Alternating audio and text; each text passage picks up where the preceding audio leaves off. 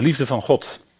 En dat uh, iets wordt gezegd over de liefde, de, zoals we op de, voor de pauze zagen, de ahava, zegt het Hebreeuws dan. En het klinkt ook als agape. En dat is ook wel zo, dat die woorden hebben Hebreeuws Grieks dan wel met elkaar te maken. In Hooglied wordt er iets van gezegd, Hooglied 8 vers 6.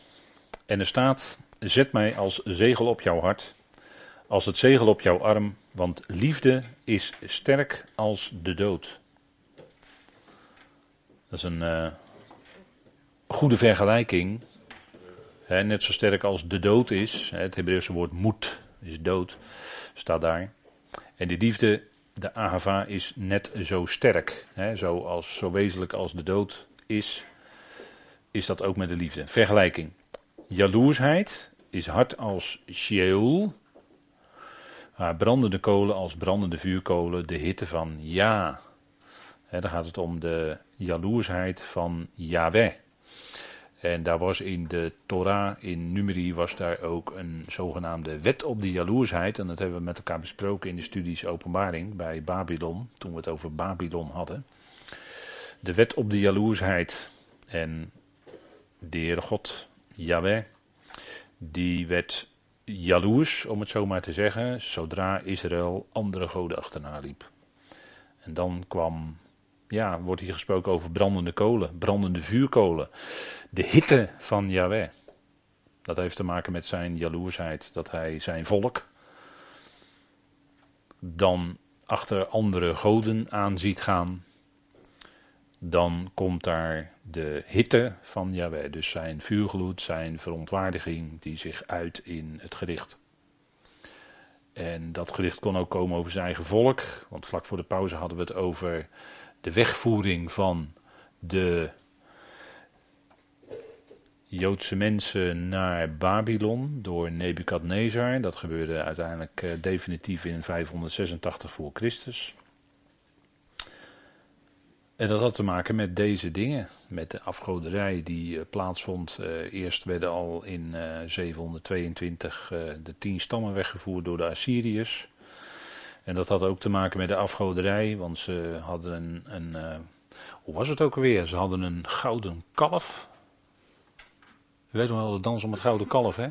Ze hadden een gouden kalf. Dat is in Nederland ook een prijs tegenwoordig, hè? Die heet het gouden kalf.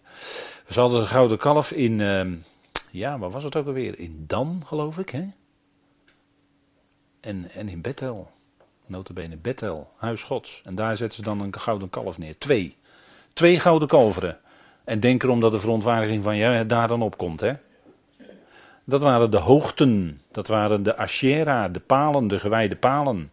Dan zie je bij gelegenheid de koning die dan wel een aantal afgoden dingen wegneemt. Maar de en dan lees je zo in koning enzovoort, dan lees je die gewijde palen bleven staan. En op een gegeven moment kwam daar het gericht van Jawel natuurlijk op. Dan zei hij, eruit, het is mijn land, het is mijn huis. Dat gebeurde bij de tien stammen en later gebeurde het ook bij de twee stammen. Uiteindelijk werden die weggevoerd door, door uh, Babel. Hè. En uh, u weet wat er gebeurt hè, met, uh, met de profeet die de waarheid spreekt, Jeremia. Die werd onder, ergens onderin een weet ik wat gegooid. Omdat hij als enige zei hoe het zat. Hij vertelde de waarheid. En dat wilden ze niet graag horen. Dat is meestal hoor. En dan, hij werd onder, ergens onderin gekukeld in een of andere put of zo, cisterne, weet ik wat het was. Waarom? Omdat hij zei dat Jeruzalem verwoest werd. En terwijl de andere, de leugenprofeten zeiden, die, die zeiden wat de mensen graag wilden horen. Die zeiden, ja het zal vrede, vrede zijn hoor. En Jeremia was de enige die zei dat het anders was. En wat Jeremia geprofiteerd had, dat gebeurde ook. Ze werden weggevoerd naar Babylon. En dat, was, dat had te maken met de afgoderij. Wat wil je? Dat heeft de Heer gezegd. Hij had het in Deuteronomium al voorspeld, voorzegd, door Mozes. En dat heeft hiermee te maken. Want hij heeft het volk lief. Het was, uh, dat was de reden waarom hij dat volk had uitgekozen. Dat was niet omdat ze zelf zulke goede, brave, beste, grote, weet ik wat waren. En het allemaal zo verschrikkelijk goed deden. Daarom had hij ze niet gekozen. Nee, dat staat in Deuteronomium hier. We lezen dat hier. Deuteronomium 7. Omdat u groter was dan alle andere volken, heeft Yahweh liefde voor u opgevat. Nee, niet omdat u groter was dan al de andere volken, heeft Yahweh liefde voor u opgevat en u uitgekozen. Want u was het kleinste van alle volken.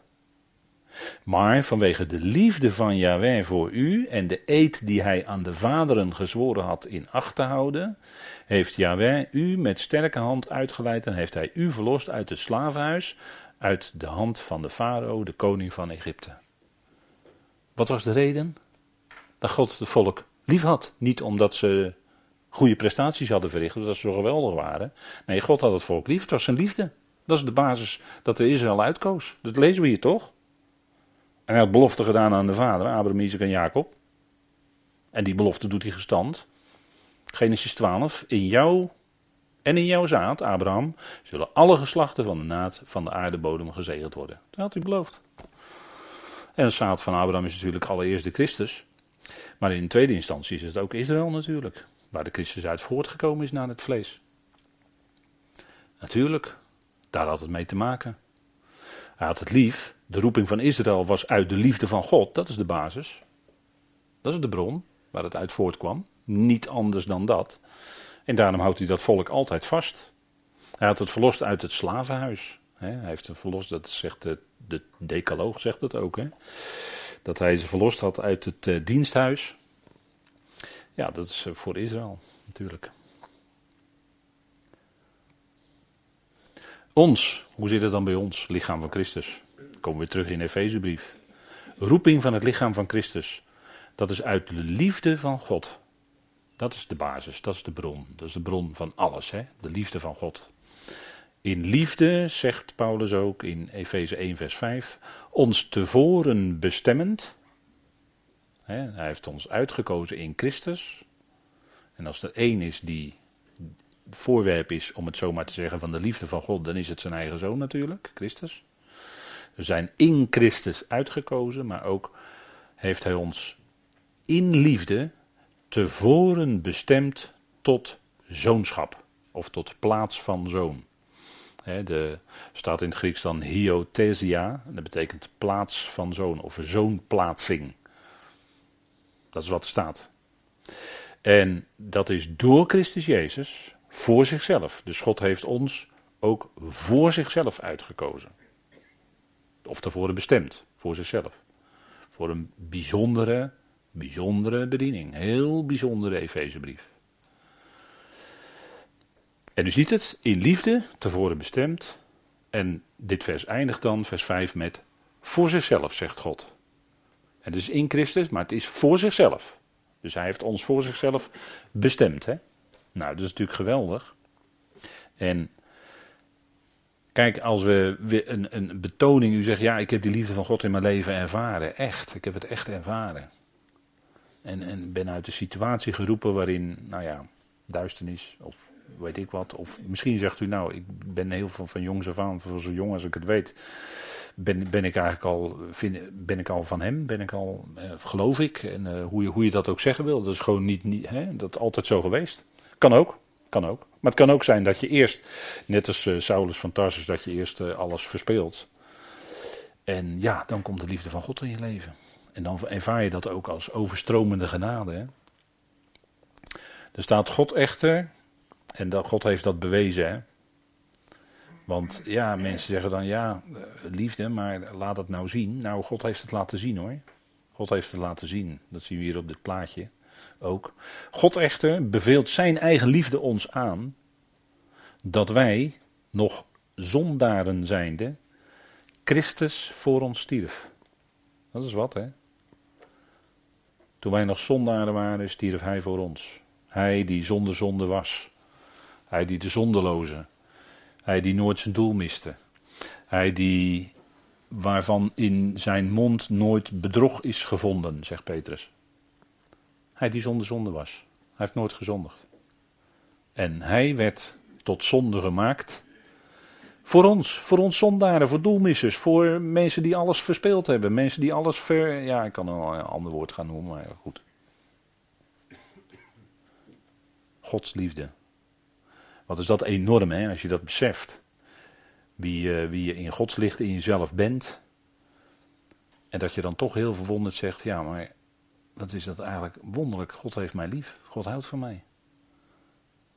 Hoe, hoe is het mogelijk? dat hij zijn eigen zoon voor mij heeft gegeven. Het is niet alleen voor alle mensen, nee, ook voor u, jou en mij persoonlijk.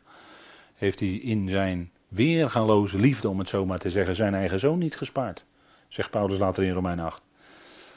Hij heeft zijn eigen, let op het woordje eigen, hè. Eigen zoon heeft hij niet gespaard. Dat is wat hoor, dat is liefde hoor. Hij heeft voor ons allen laten kruisigen, als was het een crimineel. En u weet wie dat zijn, die criminelen. Maar Christus stierf voor ons. Voor ons, let op dat voor, hè. Dat wil zeggen, je, je kan het misschien vertalen met ten behoeve van. Hè. Er staat hier een voorzetsel hyper in het Grieks. En dat betekent voor of boven. En dat wil zeggen dat het niet plaatsvervangend is. Niet plaatsvervangend. Want als wij als mensheid met z'n allen waren gestorven, was het niet voldoende geweest. Het is niet voldoende geweest om ons te redden. Want de zondaar die moet sterven. Dat is logisch, volgens de Torah ook. De ziel die zondig die moet sterven, die zal sterven. En dat, dat, dat gebeurt ook. Dat is ook, eigenlijk kan ik zeggen, dat is al gebeurd. Maar er was er één, er was er maar één die kon bewerkstelligen dat die hele mensheid gered werd. Christus, die zonder zonde was. Want in de offerdienst van Israël was natuurlijk al besloten, had God al gezegd, dat het offerlam dat moest een vlekkeloos lam zijn. Er mocht geen enkel gebrek aan zijn. Die offerdieren moest vlekkeloos zijn. Als typering, als, als typen of als af, voor afschaduwing, want de wet heeft een schaduw van de toekomende goederen. Dus die offerdieren die moesten zonder gebrek zijn, er mocht geen been van gebroken zijn. Omdat ze moesten uitbeelden, degene die later zou komen, die de vervulling was van al die offers. En die de enige waarde was. En hij stierf voor ons. Dus niet in plaats van ons. Nee, hij stierf voor ons. Dat wil zeggen, dat was nodig. Die zonderloze, die moest sterven. En zo, door en in hem, die hele mensheid nam die mee. En dan nam ook gelijk die hele zonde werd op hem gelegd. Hè? Het lam van God dat de zonde van de wereld wegneemt. En dat heeft hij gedaan. Dat wat in de weg zat, dus eh, dat heeft hij gedragen. Hij is tot zonde, enkelvoud hè. Hij is tot zonde gemaakt, zegt Paulus. Dat is Gods liefde. Zo heeft Gods liefde, hè, hier wordt het woord aanbevelen vertaald, en uh, dat is prima. Er staat eigenlijk, hij staat daarbij, hè. er staat letterlijk staan, tezamen staan. Hè.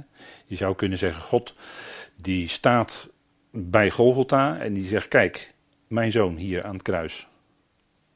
Dat is mijn bewijs, dat is het bewijs van mijn liefde. Die geef ik voor jullie allemaal, voor die hele mensheid. Dat is nou, dat is nou liefde. Dat is nou laten zien hoe God ons en al die andere mensen lief heeft. Dat is wat, hè? Dat, dat is echt liefde. Dat is geven. Om te willen geven, om te laten zien dat je lief hebt. En dat liet God zien. Je kunt zijn hart zien. Gods hart kun je zien op Golgotha. En al die vijandschap en al die hoon van de mensen en al dat beschimpen en al dat vijandschap. Hoe beantwoordde God dat?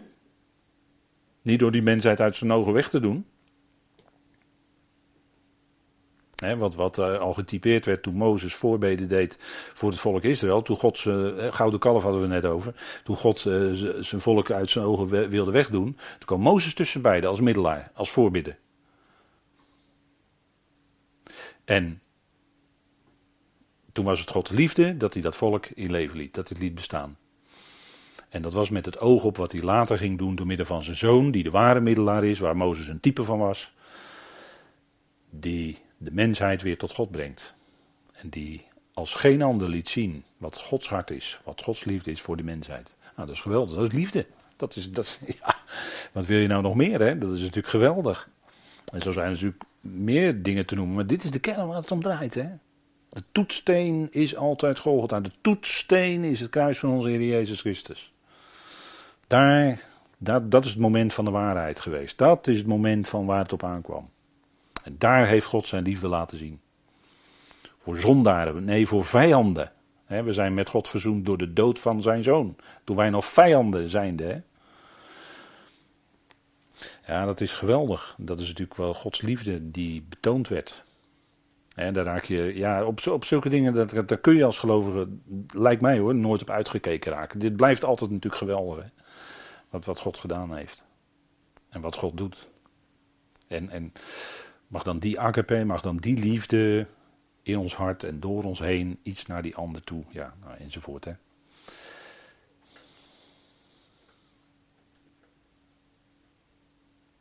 Ons, dan gaat de tekst verder.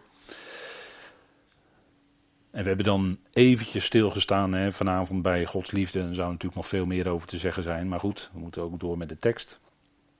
En dan zegt Paulus ons, hè, dat is uh, de gelovigen uit Israël. Bedoelt hij dan, zoals de Romeinen ook klonken, eerst de Jood en ook de Griek. En we zien hier ook steeds vanaf Efeze 1 hè, steeds dat ons en wij en dan ook jullie. En dan gaat hij in dit hoofdstuk dus nog door met dat wij en jullie. En dan zegt hij ook ons, wij die dood zijn voor de krenkingen en de begeerten. He, dood zijn voor. Dat is natuurlijk het resultaat ook van het kruis, de kruisiging van onze Heer Jezus Christus.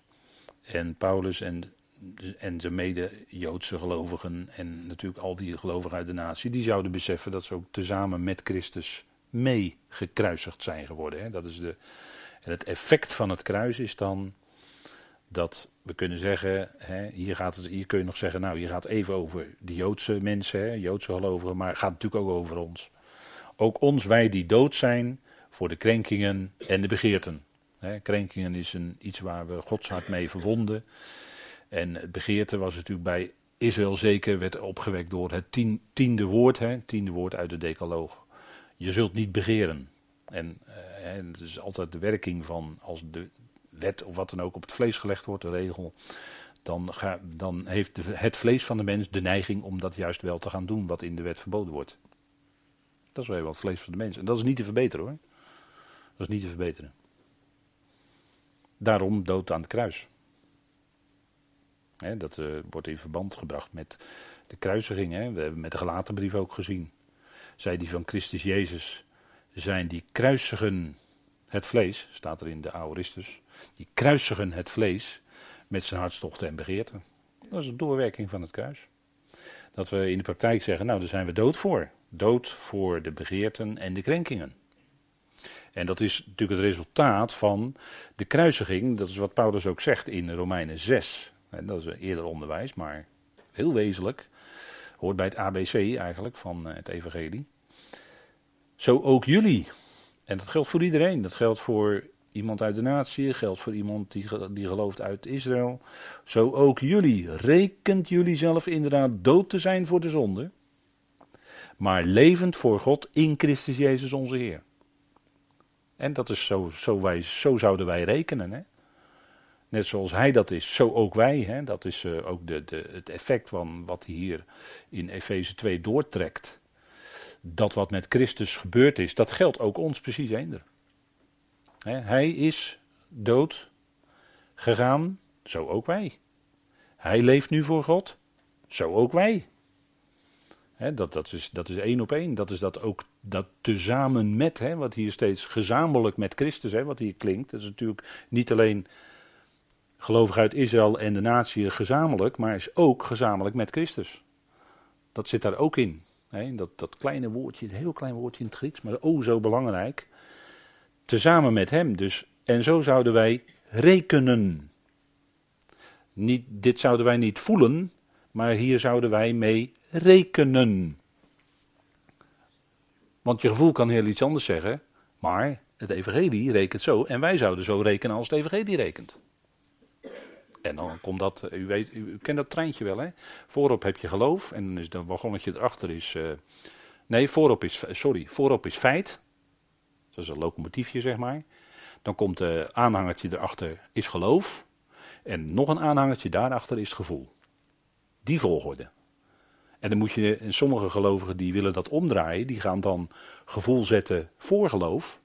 Maar het is precies andersom. Dus je hebt feit, geloof, gevoel. Dat gevoel komt, dat, komt het vanzelf mee goed. Zeg maar. Alleen je moet wel die proberen, hè, ja, bidden, proberen, leven, die goede volgorde aan te houden. Wat is nou feit? Feit is niet jouw gevoel. Want het, kijk, als mensen natuurlijk helemaal los zijn gekomen van God, zijn ze ook los van de waarheid. En wat gaan mensen dan doen? Dan gaan ze helemaal leven op hun gevoel. En ik, ik herinner me dat, uh, dat een, uh, een, leidinggevende op het werk een keer zei: Ja, nee, uh, beste collega's, ehm, je gevoel, dat is waar. Wat jij voelt, dat is de waarheid. Toen dacht ik van mens, je hebt, eh, waar haal je dat vandaan? Ja, ik bedoel, de, ene dag hoog en de andere dag laag. Dat kan ons gevoel zijn, hè, zo. Maar feit is, feiten van het evangelie, dat, is, dat, is, blijft hetzelfde. Hè? Feit blijft feit. En daar dan je geloof opbouwen en dan, ja, dat je wel eens anders kan voelen, wat er misschien lijkt tegengesteld te zijn aan. Maar dat wil niet zeggen dat het gevoel waar is. Nee, dat evangelie, dat blijft waar. Dat woord blijft waar. God blijft waar.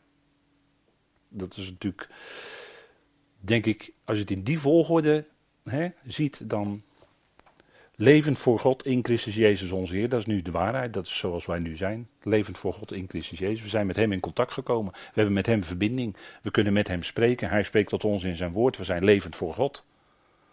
En voorheen waren we als het ware dood voor God, want we hadden geen contact met Hem. Of misschien zegt u ja, van, van kindsbeen af heb ik altijd contact met hem gehad. Heel fijn, heel fijn. Maar ja, dat is Levend voor God in Christus Jezus onze Heer. En dat is natuurlijk onze situatie nu. Hè? En tegelijkertijd dood zijn voor de krenkingen en de begeerten. En dan zegt u, nou ja, ja, ja, ja. Ja, zo is het. Zo is het wel. En daar het bij houden. Hè? Kijk, geweldig wat Paulus hier zegt. Hij maakt ons gezamenlijk levend in Christus.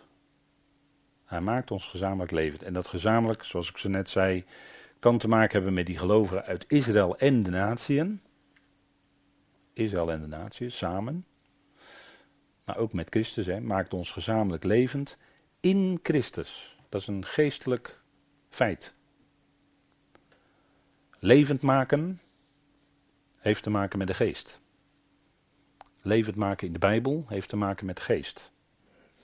En wij zijn tezamen met hem levend gemaakt. Nu al. In, maar dat betreft alleen onze geest. Hè? Want die zeggen ja, mijn, mijn, uh,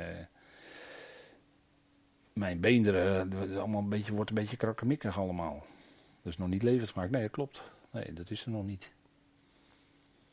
Dat is uh, wat je dan ziet. Hè, waar ik, ik noem het zondag heel even, hè, prediker 12. Moet je maar eens doorlezen. Als je ouder wordt, dan ja, krijg je een beetje, je rug gaat een beetje krommen en de tanden willen allemaal niet meer zo. Uh, en je gehoor wordt allemaal een beetje minder. En je, je, je zicht, je ogen worden ook minder. En je wil niet meer, je durft niet meer zo erg de, de straat op of in de auto te stappen. Of, het heeft allemaal te maken met ouder worden.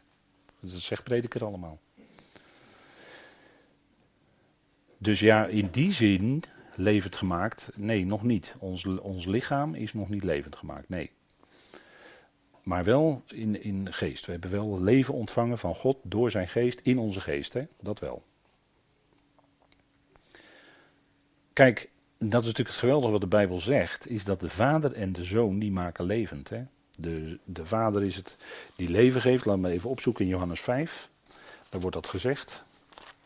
En je moet die begrippen ook goed uit elkaar houden, want hier begrip levend maken is echt een ander woord dan opstaan of opwekken. Hè? Dat moet je echt uit elkaar houden in de schrift. Of dat houdt de schrift uit elkaar. Johannes 5, en ik lees het dan even met u vanaf vers 20. En er staat van, de vader heeft de zoon lief en laat hem alles zien wat hij doet. En hij zal hem grotere werken laten zien dan deze, opdat u zich verwondert. Want zoals de vader de doden opwekt en levend maakt, zo maakt ook de zoon levend wie hij wil. Dus je ziet hier al het onderscheid hè, tussen opwekken en levend maken. Worden allebei apart genoemd. De vader wekt de doden op en maakt levend. En zo maakt ook de zoon levend wie hij wil. En de eerste die echt levend gemaakt werd, was de zoon. Hè?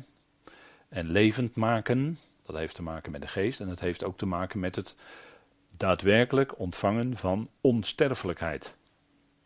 De zoon is nu de enige die onsterfelijkheid heeft. Wat mensen betreft is de hemel verder leeg. Er is verder geen enkel mens, alleen de mens Christus Jezus is daar. Peter zei het ook op Pinksterdag, toen was de Heer al lang opgewekt en ten hemel gevaren. En toen zei hij, David is niet opgevaren naar de hemel. Zei Petrus. David was een dood in het graf, wist op dat moment nog steeds van niks. En dat geldt voor al die doden, weten van niks. Tot de dag van de opstanding. Dus wat de mens betreft is de hemel leeg. Alleen de zoon is daar, die woont een, bewoont een ontoegankelijk licht. En die is als enige, heeft hij onsterfelijkheid. Dat hoef je van God niet te zeggen. Maar de zoon werd mens. En daarvan kan het dus wel gezegd worden. Ontvangen van onsterfelijkheid. En Paulus die zegt dat ook in 1 Corinthië 15, vers 47. Even met elkaar opzoeken. Dat is natuurlijk een, een, een prachtig woord. Hè? De zoon maakt levend wie hij wil. En die zoon die wil iedereen hè, levend maken. Dat is natuurlijk wel wat we mogen weten. Nou, een heel betoog natuurlijk, een geweldig hoofdstuk, hè, in Korinthe 15 over de opstanding. Er waren sommigen in de gemeente van, eh, ja, je weet het maar nooit hè, in de gemeente, maar uh, sommigen in de gemeente van Korinthe die twijfelden aan het feit van de opstanding. Hè. Die, die zeiden misschien, uh, en Filetus, die zeiden misschien de opstanding al geweest is. En anderen zeiden misschien, er is helemaal geen opstanding. Wat nou, zegt Paulus. Wat nou? Wat zullen we nou krijgen? Geen opstanding van de doden. De levende Heer ontmoet op weg naar Damascus. En hij schreef onder de leiding van de geest van God een geweldig hoofdstuk, 1 Corinthië 15, over de opstanding. En laat glashelder zien, als was hij bijna jurist, dat het onlogenbaar is dat de Heer is opgewekt uit de doden. Klaar en klip en klaar. Als, ja, jongens, als je dat niet hebt, dan ben je allemaal nog verloren. Dan, ben je nog in, dan zijn degenen die, die gestorven zijn nog in hun zonde. Ook al hebben ze geloof tijdens hun leven. Maar als Christus niet is opgewekt, dan heb je niks hoor.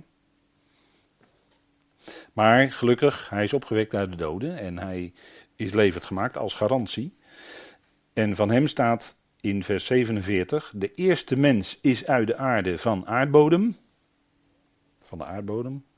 Uitgenomen uit Adama, weet u wel. Adam werd genomen uit de bovenste laag van de aarde. En de tweede mens is de Heere uit de hemel.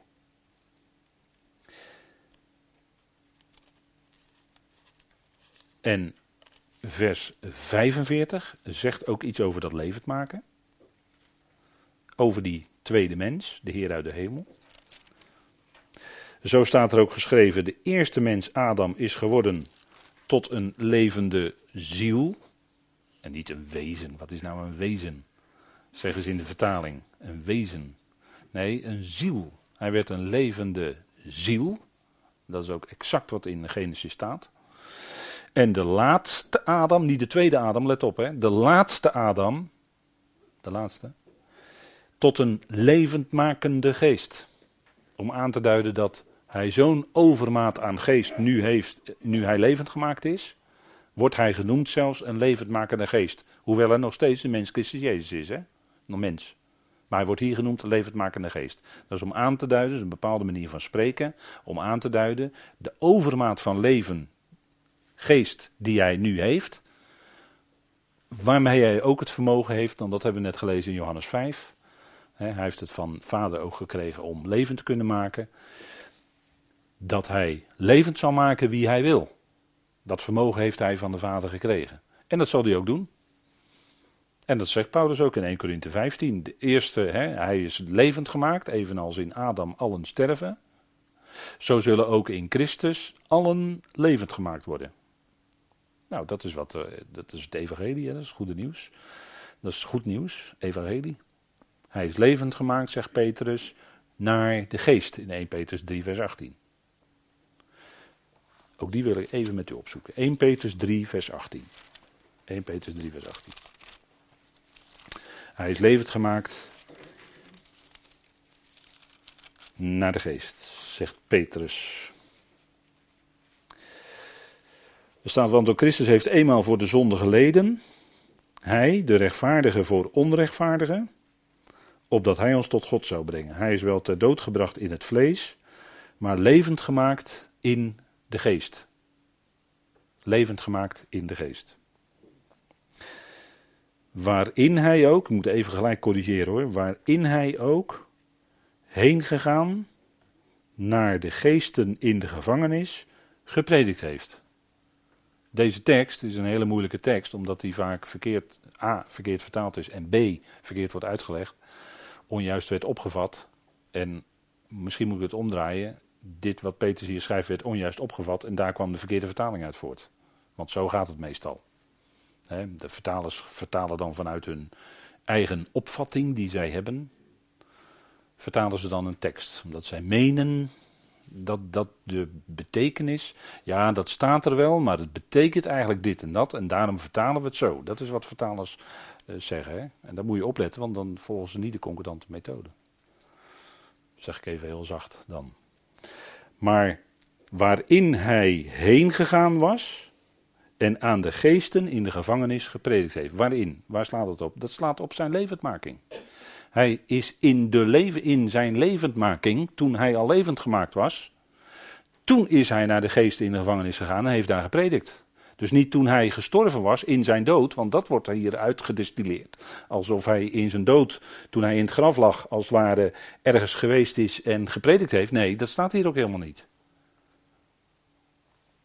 Peter zegt dat hij is levend gemaakt. En in die levendmaking, in geest, is hij, heeft hij gepredikt aan de geesten in de gevangenis. Dat, en dat hele gebeuren was mogelijk al een prediking op zich aan die geesten in de gevangenis. En dat waren die, ja, wie waren dat? Die geesten in de gevangenis, dat waren diegenen die, zegt Petrus, aan hen die voorheen weerspannig waren toen God in zijn geduld eenmaal wachtte in de dagen van Noach. hey, in de dagen van Noach waren daar dus geesten, of hey, vaak engelen, hè, brochure De zogenaamde Engelenwereld, die zegt daar ook wel iets over. Toen God in zijn geduld eenmaal wachtte in de dagen van Noach, terwijl hij de ark gebouwd had, waarin weinige, dat is acht zielen behouden werden door water heen. Toen waren daar hemelingen, mogelijk boodschappers, maar een hemeling kan een boodschapper zijn, een geest kan een boodschapper zijn of niet, of allebei. Kan een hoge macht zijn en tegelijk boodschapper.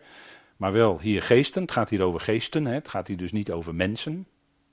De Heer heeft niet aan mensen in de gevangenis gepredikt. Nee, geesten, hemelingen, hemelse machten, engelen misschien. Wij zeggen dan engelen, boodschappers. In de dagen van Noach. En die zijn toen gevangen gezet. En toen kwam de grote vloed. En die zijn waarschijnlijk gevangen gezet, die worden gevangen gehouden in duisternis. Zegt Peter in zijn tweede brief. En Judas spreekt daar ook over. En daar heeft de Heer aan gepredikt toen hij levend gemaakt was. Dat veranderde voor die geesten daar niks, want die bleven in die gevangenis. Alleen die zagen nu wel dat de Zoon van God, die ze wel degelijk kent hoor, die Zoon van God is nu levend gemaakt. Die is weer die is opgewekt, die is levend gemaakt. Dat hebben ze gezien. Maar ze moeten tot de dag van het gericht, moeten ze in die gevangenis blijven en dan worden ze losgelaten. Dus dat is ook een verkeerde, verkeerde uitleg. Hè? Hij is ter dood gebracht in het vlees, maar levend gemaakt in de geest. Dus, dus in zijn levendmaking is die prediking geweest aan de geesten, niet aan mensen in de gevangenis. Dus even, hè, want dit vers heeft heel veel, roept altijd heel veel vraagtekens op. Er is heel veel verwarring over.